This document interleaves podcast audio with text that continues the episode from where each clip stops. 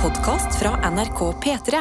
Hør alle episodene kun i appen NRK Radio.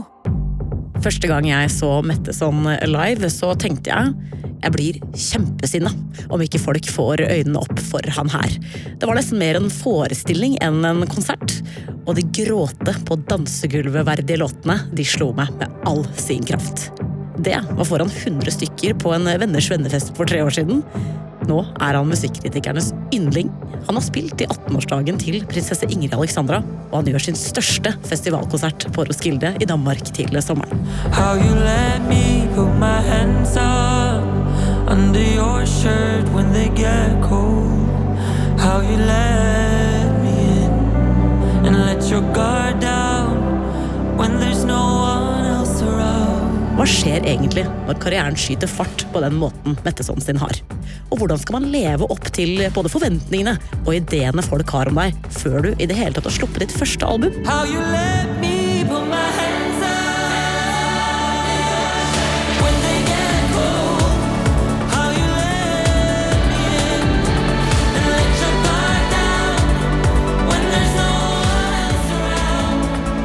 Velkommen til Musikkrommet, Metteson.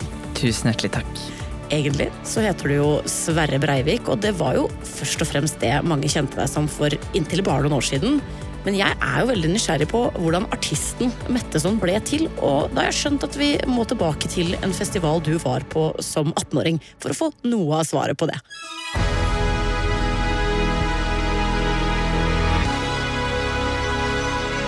Jeg hadde min første forelskelse da jeg var eh, 18 og skulle på um, HV-festivalen. Og møtte en fyr der og ble altså, så stormende forelsket. Og jeg hadde hånden på hjertet. Jeg hadde aldri vært forelsket før. Eller aldri kjent på den følelsen. Jeg hadde jo nettopp kommet ut av skap og mange sånne ting. Så følelsene og forventningene og alt mulig lå virkelig sånn utenpå skjorta, da. Eller rett under skjorta, holdt jeg på å si. Vi hadde masse felles venner, vi campa. Litt senere på kvelden så merker jeg at alle vennene mine og vennene hans på en måte begynner å forsvinne litt sånn i folkemengden når vi er ute og danser. Og så drar vi på um, Emily Sandé-konsert sammen, bare jeg og han, og hører på um, hennes låt 'Heaven', som da var uh, høyt, høyt, høyt uh, Det sto høyt for meg, da, den låta. Eh, og vi sto nesten på første rad eh, og råklina til den Heaven-låta. Altså, jeg, jeg hadde klina mange ganger før, jeg, men det var liksom første gangen den forelskelsen og den handlingen på en måte sammensmelta. Og det gjorde den da med dette bakteppet av en sånn fantastisk låt da, med Emily Sandés store stemme. Altså, jeg får, jeg får sommerfugler i magen. Ja, ja. Og jeg husker jeg gråt nesten mens jeg klina og bare var sånn Livet er komplett! This is heaven!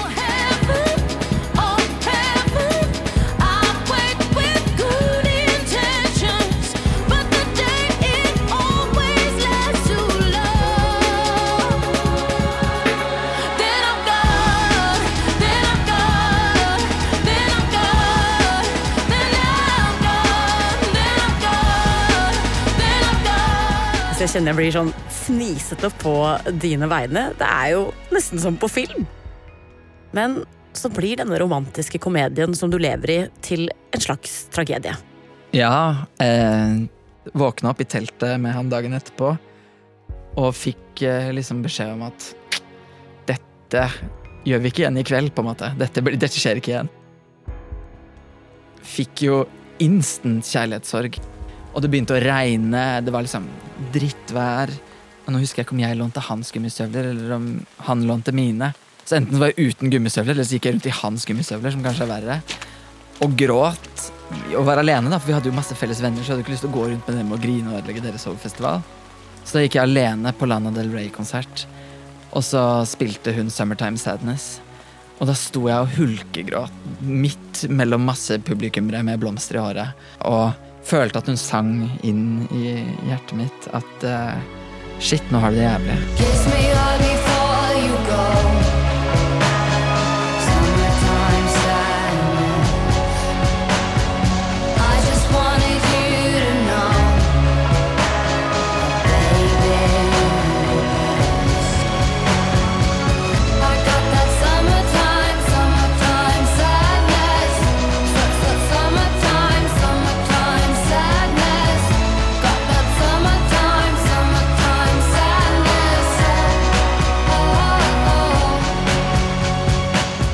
De konsertopplevelsene var så ekstremt viktige for å liksom løfte de følelsene. Sementere det i tid, i kropp, i liksom fantasien. Altså Det har sikkert blitt større og villere og våtere og deiligere, men på et eller annet vis så tror jeg kanskje ikke det heller. Alle har vel hatt et sånt musikkøyeblikk på et eller annet tidspunkt der de virkelig får oppleve musikkens kraft, sånn som du gjorde her. Men det er jo ikke alle som blir musikere for det, og det ble jo heller ikke du i første omgang. Jeg ble ikke det. Jeg, jeg har alltid vært eh, glad i scenen, da. Jeg gikk på Teaterhøgskolen i Oslo og holdt på med teater hele livet. Og har sunget hele livet også, men eh, tanken på å bli eh, popartist var jo bare holdt på å si så utenlandsk. Vi mangler på et annet ord. Det virka ikke helt oppnåelig eller realistisk. Det er så rart å tenke på nå, da, med, med tanke på hvor du er som artist nå. For du hadde jo egentlig en ganske godt etablert karriere som skuespiller ved Den nasjonale scenen i Bergen. Egentlig det også syns jeg høres høyt der oppe ut personlig, men da pandemien begynte, så var det også noe som begynte å røre seg litt i det. Det begynte å kile litt. Kan du fortelle mer om det? Ja, det var noe som hadde rørt ved meg en stund. Jeg hadde allerede fra tidlig 20-åra begynt å skrive litt egne tekster og dikt og sånn på Teaterhøgskolen, som jeg hadde eksperimentert litt med å tonesette. Og så kom jo denne pandemien, da. Som gjorde at den jobben og den kreative utfoldelsen som jeg vanligvis fikk der, sa stopp. Og da følte jeg plutselig at nå får jeg masse plass til å utforske dette dypere. Og da hadde jeg allerede begynt å leke med konseptet Metteson, men det var virkelig der det tok fart, da, og jeg fikk tid til å virkelig sementere alle disse tankene jeg hadde rundt hva dette kunne bli. Hva var det du hadde savna ved f.eks. teater og det å drive med skuespill som du fikk i musikken, som du endelig fikk eh, tid og mulighet til å utforske her? Det å få den jobben på DNS, eh, nasjonale scene, var jo en, som du sa, det var ganske sånn høyt der oppe. Det var en dream come true å, jobbe, å faktisk jobbe som skuespiller. Men jeg tror nok den realiteten av det skuespilleryrket det traff meg ganske fort. I hvert fall på institusjonsteatret. Da. da følte jeg at den tanken jeg hadde om skuespill og teatret, hvor alt som er fantastisk med kunst, samles i ett rom. Altså musikk og kostyme og fantastiske tekster. At jeg skulle få lov til å være med på alt dette. Og så kjente jeg litt på at men jeg får ikke være med på dette, for jeg er skuespilleren, og så er det noen andre som er kostymøren, og det er noen andre som er regissøren. Og jeg følte jeg hadde så fryktelig mye på hjertet, da, og så mye overskudd. For jeg var jo egentlig ikke kun interessert i tekst og det å stå frem for andres ting, men jeg hadde også lyst til å lage kostymene, eksempel, og være med på å velge eller lage musikken. Så når da teatret stengte ned, så fikk jeg på en måte muligheten til å skape mitt eget lille teater da, med, med Metteson, og fikk tid til å ta et dypdykk i det. Så jeg tror i løpet av den tiden så fant jeg ut at uh, det er egentlig i musikken at jeg får bruke alle de interessene mine da, som jeg trodde at var i teatret. I know the time's always running and I'm gonna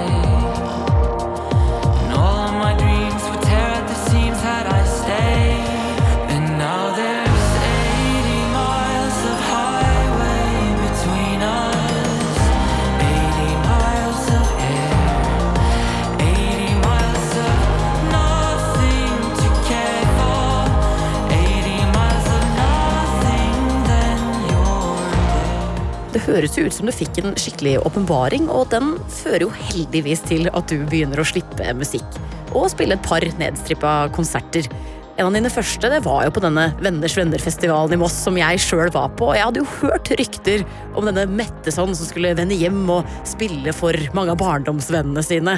Og personlig så syns jeg jo det høres litt skummelt ut, men hvordan var det egentlig for deg? Jeg har aldri hatt sceneangst eller sceneskrekk, men den første gangen jeg følte virkelig at eh, knærne mine skalv, og at jeg ikke visste hvordan jeg skulle stå eller hvordan jeg skulle ha hendene mine, for jeg var alltid så vant til å ha en rolle da, som jeg hadde øvd på i et halvår eller åtte uker. eller ja. Så det var, eh, det var dritskummelt. Det virka jo ikke sånn da jeg så deg live første gangen. Jeg må si Du framsto ekstremt trygg der du rusla rundt på denne plenen i en liten nettingtopp, og du dansa veldig selvsikkert og sånn som du koste deg. Og jeg må innrømme at jeg ble akutt forelska, og jeg kjøpte konseptet Metteson med en gang. Men dette navnet Metteson, hvordan ble det til? Fordi du heter jo egentlig Sverre Breivik. Jeg hadde lyst til å ha um, skape litt rom for meg selv, da. Og jeg følte at Metteson det er da en sammensetning av min mors navn, Mette, og jeg er hennes sønn, så det har på en måte en, en liten sånn skandinavisk omasj der, med nesten litt sånn islandsk eh, er så touch. Eh, takk. Eh, og så og så er det også Det er på en måte distansert nok eh, for meg, men også nært nok for meg til at jeg føler at jeg kan gå på en scene og være meg selv, men eh, allikevel at det er eh, At det er en distanse, at det er, en, det er et kunstnerisk eh, rom der da, som jeg kan jobbe i.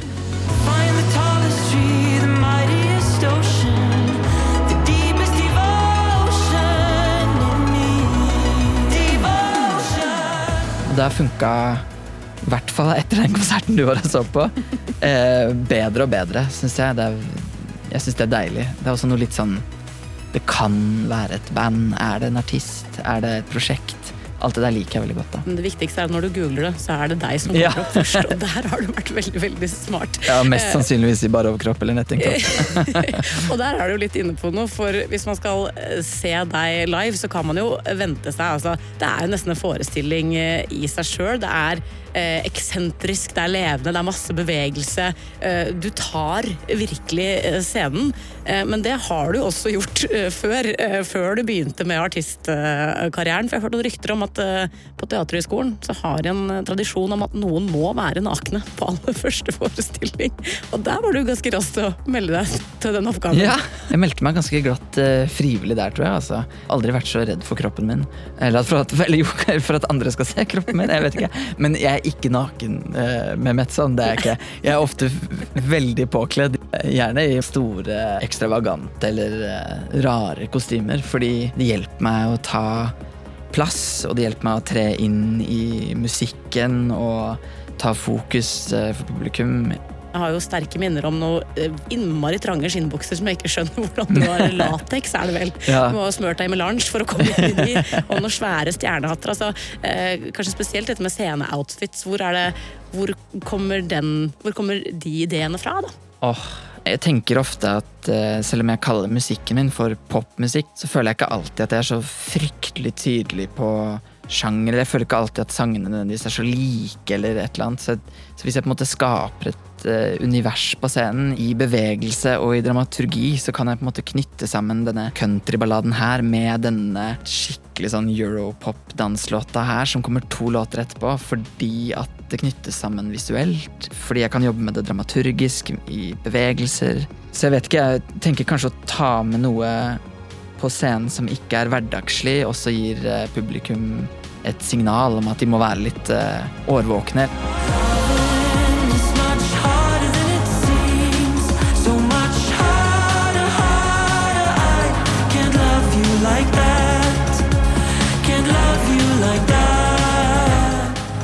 Har denne måten du tar plass på, både som person og i måten du kler deg på eller fremfører musikken din, har du noen gang fått noe eh, slag tilbake?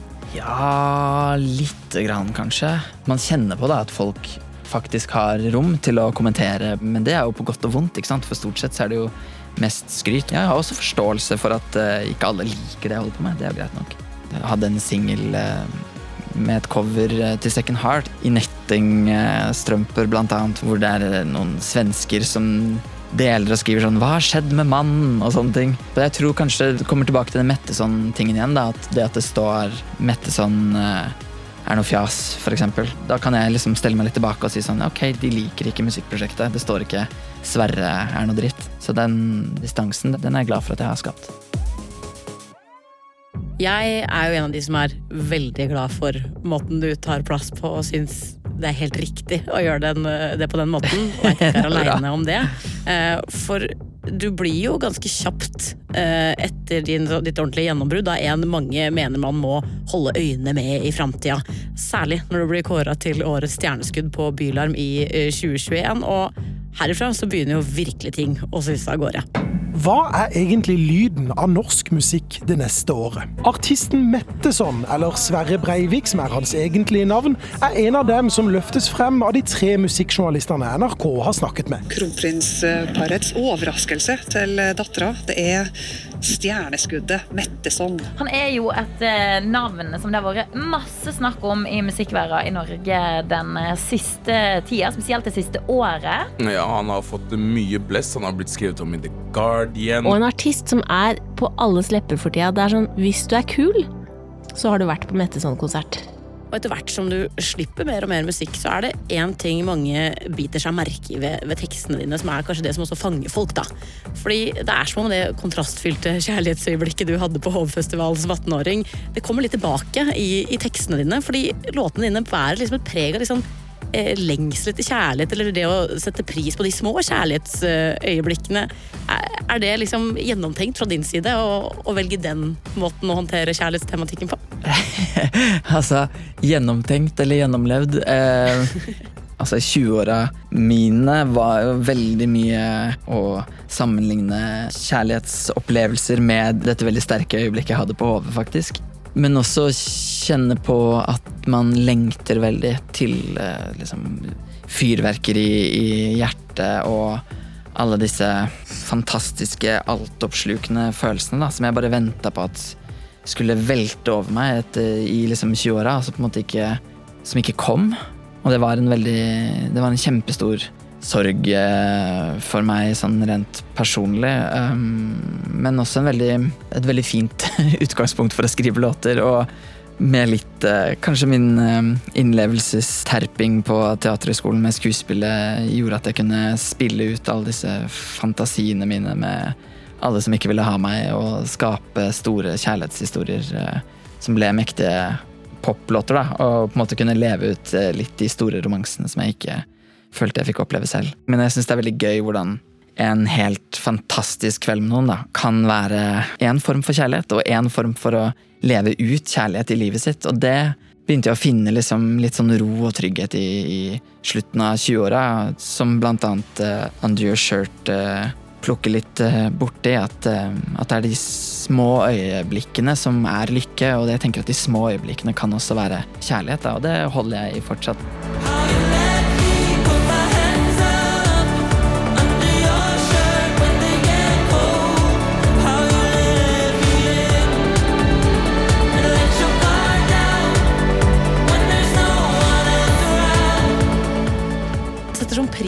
Gjør det her. For jeg tror mange er så redd for å blåse opp de små øyeblikkene og gjøre de for store. Vi er, vi er så redde hele tida for all denne mm. eh, litt sånn usikre eh, kjærligheten. Og sjøl må jeg bare eh, si at det var så utrolig relatable hvordan du har tatt eierskap til ja, disse, disse små øyeblikkene. Da. Eh, mm. Spesielt det du sier med å det har skjedd, Du har møtt noen én kveld, og så har du bare laget disse syke fantasiene i hodet mm. ditt om, om, hva det kunne ha vært. Altså, mm. uh, same, for å si det sånn.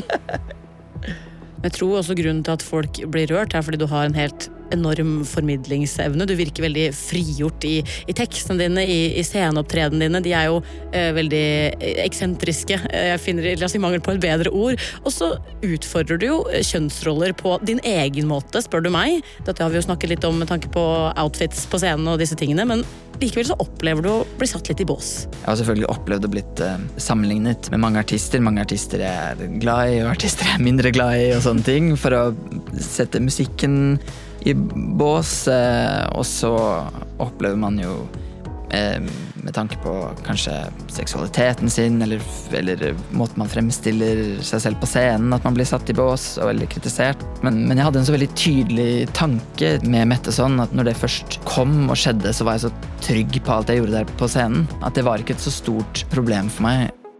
Men det jeg opplever litt nå det er at jeg kanskje må passe meg selv for å ikke båsette meg selv for mye.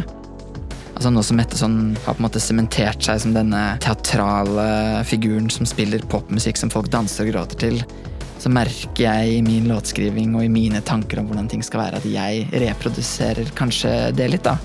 Og det kan jo være fint hvis det er tanken min, men om det er det jeg alltid vil og skal, det begynner jeg å stille spørsmål til, da. Jeg hadde annet en plan med Vetle Junkel, min produsent, å lage en skikkelig sånn dansbar danseklubbalbum da, når vi satte i gang skrivingen eh, i vinter. Og så er alle låtene jeg har skrevet, skikkelig tunge, rolige, nære ballader. Det å finne ut av sånn Men jeg har jo satt meg selv i en bås her. Veldig tydelig for alle. Eh, hvordan skal jeg forene dette nå videre når jeg nå skal gi ut mitt debutalbum? Det er kanskje det båsspørsmålet jeg sliter mest med for tiden, og ikke egentlig hva andre nødvendigvis pålegger meg, men hva jeg har pålagt meg selv. men tror du det har noe å gjøre med alle de forventningene eh, folk har hatt til deg i forbindelse med gjennombruddet ditt, og at du har fått en eh, stjerneskuddpris og alle de tingene her? Ja, det kan det hende det har. Når man får høre på en måte litt sånn over natta at verden ligger for dine føtter, og man står eh, i en liten allégate i Bergen, og verden på en måte ikke gjør det. Selv om den sikkert gjør det, så gjør den jo virkelig ikke det. Eller jeg er sånn jaså, wow, gjør det det? Fortell, hvem er dette som skal løfte meg rundt i verden? Um, så lager jo det en viss forventning for meg, kanskje fordi jeg jobber med Men først og fremst fordi for meg, da, hva slags låter jeg skal produsere, kanskje hva som har funka før, som folk har catcha. At sånn ah, her har vi dette. Og ja, at jeg turnerte med Aurora. At uh, Sigrid var en av de som på en måte oppdaga var på min første ordentlige Metson-konsert. Det tenker jeg det lager en slags uh, bane da, som jeg gledelig og villig har fulgt og lekt med. Men jeg har stoppa opp litt det siste halvåret med dette albumskrivingen. og og liksom sjekka meg selv, bare passa på at sånn, ok, men er du på din bane nå? Og det har jeg ikke helt svaret på ennå, kanskje. But don't say a word about forever. The sky will be clear, the sun will be gone.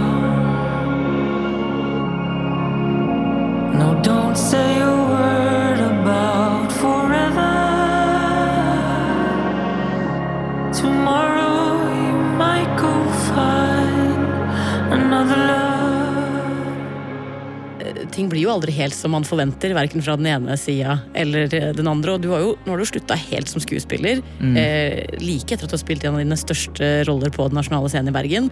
Hvordan har fulltidslivet som artist blitt sammenligna med eh, disse forventningene du sitter og snakker om her nå? Uh, det har gått veldig opp og ned. Jeg savner ikke teatret, og det er veldig deilig. Men jeg har jo ikke noe struktur lenger, da. Bortsett fra den jeg skaper selv.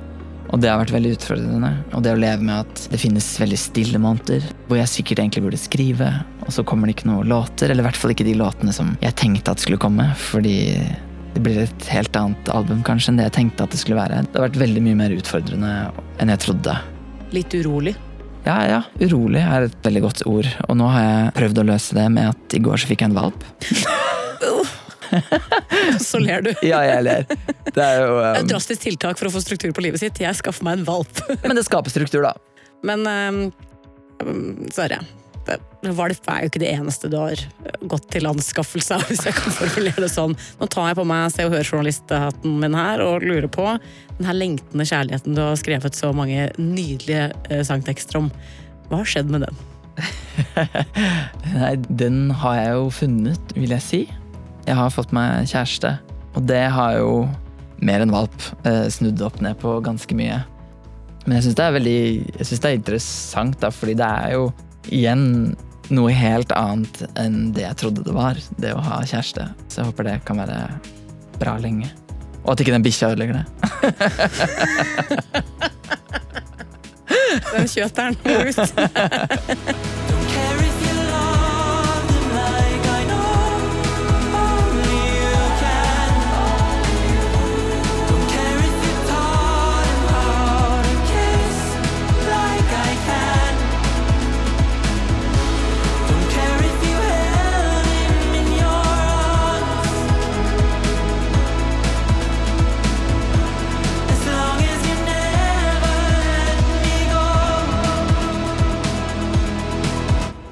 Jeg syns både kjæreste og hun høres ut som det perfekte liv, men du nevner jo at det heller ikke blei helt som du hadde tenkt. Hva er det som er annerledes?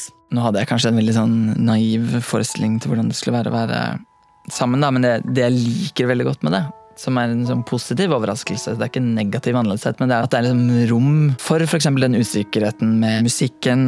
Det er rom for å være lei seg. Jeg husker når jeg spurte han om vi skulle være kjærester, så, så begynte jeg å gråte, for eksempel, og ikke sånn, der, sånn gledesgråting sånn Men jeg lå liksom sånn stille i senga, og det rant liksom sånne stille tårer fordi at det var en sånn blanding av så mange følelser på en gang. Og det tenker jeg var kanskje noe av det som gjorde at jeg ikke fikk kjæreste før. Fordi jeg ikke visste at det var plass til så mange nyanser, da.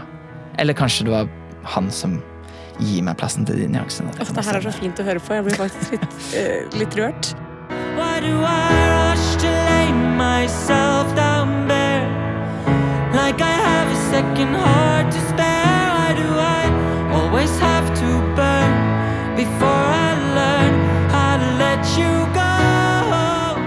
Den der omsorgen man får for den personen man har vært. og så lurer jeg jo da på, Blir det, liksom, blir det noen låter nå med om dette fyrverkeriet du har snakka om, eller hvordan påvirker dette, denne forandringen i kjærlighetslivet eh, ah. låtskrivingen din? Jeg har utfordra meg litt på å prøve å skrive noen låter som ikke har ordet love eller heart i seg. som er veldig vanskelig for en, for en sånn gråte on the dance floor-gutt som meg selv. Uh, og det har gått ganske bra, syns jeg. Put to sleep, den siste låta mi, følte jeg klarte å grave i litt andre tanker og tematikker. Den kan jo oppleves som en kjærlighetslåt fortsatt, men det er ikke det for meg. Baby steps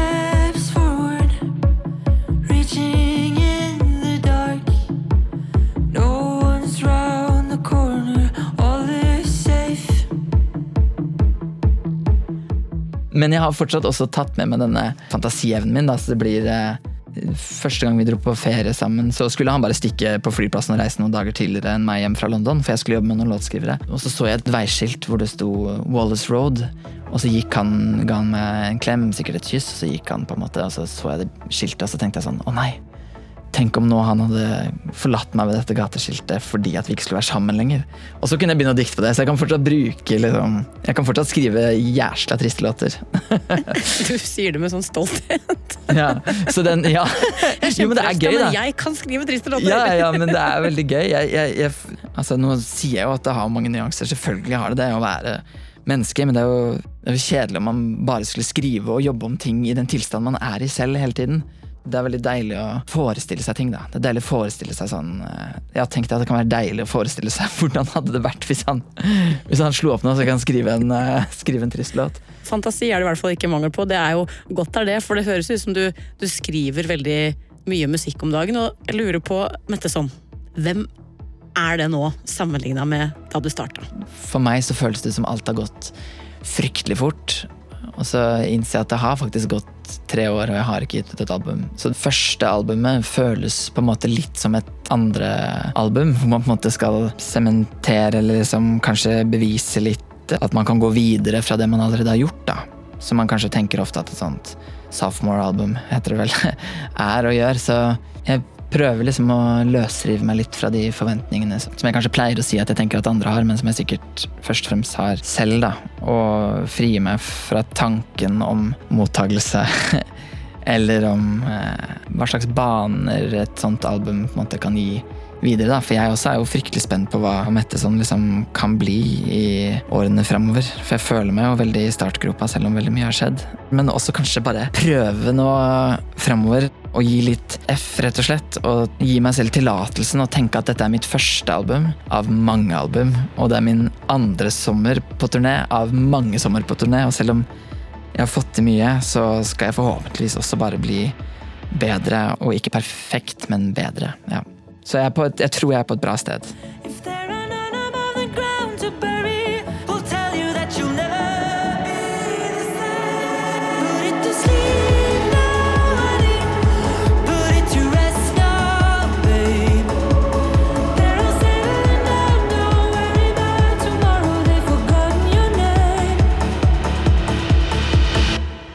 Hørt en episode av Musikkrommet, og den må du gjerne anbefale til en venn om du likte det du hørte.